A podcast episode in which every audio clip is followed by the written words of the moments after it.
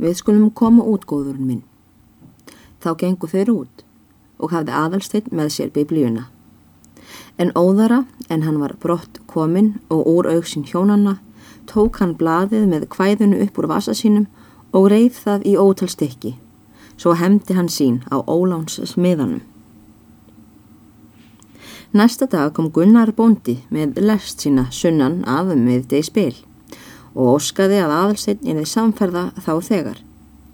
Hann bráfið skjótt og tók að búa sig og þurfti Gunnar aðeins að hafa einnar stundar viðitvöl í skálholti.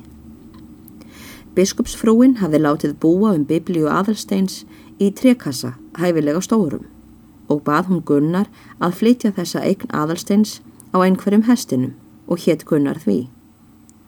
Síðan aðhendir frúin aðalsteini peninga með þessum umælum. Þetta á að ganga til húsmóður þinnar. Það er borgunin fyrir það sem hún sendi mér. Aðalsteinn tók við þessum skildingum og bað Gunnar geima á meðan þeir væri á ferðinni.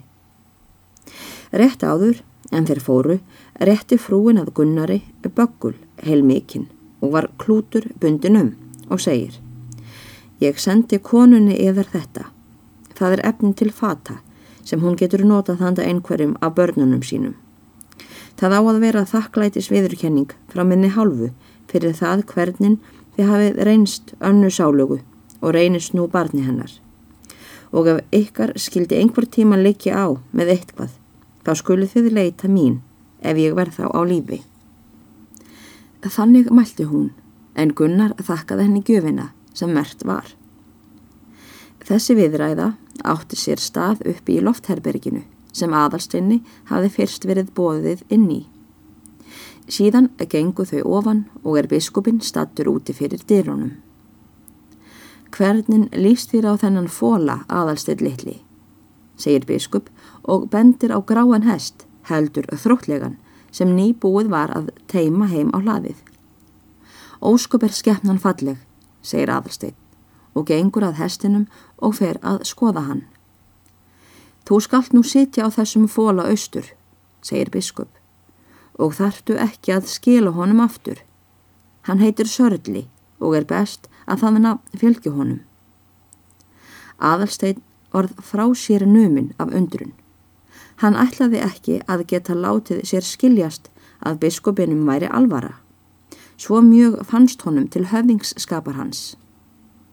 Nokkur augnablik stóð hann hreyfingar laus. Síðan tók hann viðbragð og hljóp upp um hálsin á biskupinum og kisti hann með tárin í augunum og sömulegis frú hans. Skilaðu til frænda að ég byrði hann að hjúkra sörla í vetur, mælti biskup og skein þá drú gletta út úr andliti hans. Síðan gekk biskupinn og hvaðst koma að vörmu spori aftur.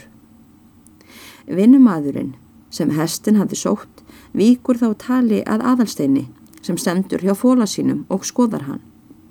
Hann segir, hér hefur þau fengið gott hestefni drengur minn. Ég vænti þess, svarar hinn brosandi. Já, segir vinnumadurinn, það segi ég þér satt, að hefði ég átt að kjósa, þá hefði ég engan kosið mér annan en sörla af öllum þeim hestum sem til eru nú í biskupstungum. Ertu þá vissum að þekkja alla þá hesta, Jón minn, segir frúin brosandi, því hún stóð hjá. Nærri mun ég fara um það, ansar Jón, hvað gripum líður hér einsveitis, að minnstakosti þeim sem góðgengir eru kallaðir. Og væri það líka annað hvort eða ekki, þó ég gerði það. Hvað er sörlega annar skamall núna, spurði frúin. Er hann sex eða sjö vetra? Hann er sex vetra fólinn, mælti Jón. Hann var fólald um voruð sem ég komaði norðan og var snamkastaður. Mér leist brátt vel á sköpulægið og gangin ekki síður. Síðan gekk hann undir rissunni í þrjú misserinn, full og það held ég hafi verið mér að þakka eða að kenna. En það mælti sig til að trippið væri. Lengra komst Jón ekki, því að nú kom biskupin út aftur og fóru þér gunnar nú að hvaðja. Þar var þó komin Haldur Prestsson og kvatti aðalsteinn hann bróðurlega. Síðan kvötu þeir biskupssjónin vandlega og þökkuði þeim allan greiða og höfðingskap. Um leið og Gunnar kvati biskupin, fekk biskup honum sendibref, læst með þeim ummælum. Taki þér við þessu brefi og berið það austur fyrir mig, Gunnar minn, og sjáuð til að það komist skilvíslega. Gunnar tók við brefinu og stakk því gætilega niður hjá sér. Á brefinu var utan á skreftin þessi. Til prestsins síra Þorgrims Runolfssonar á hofi.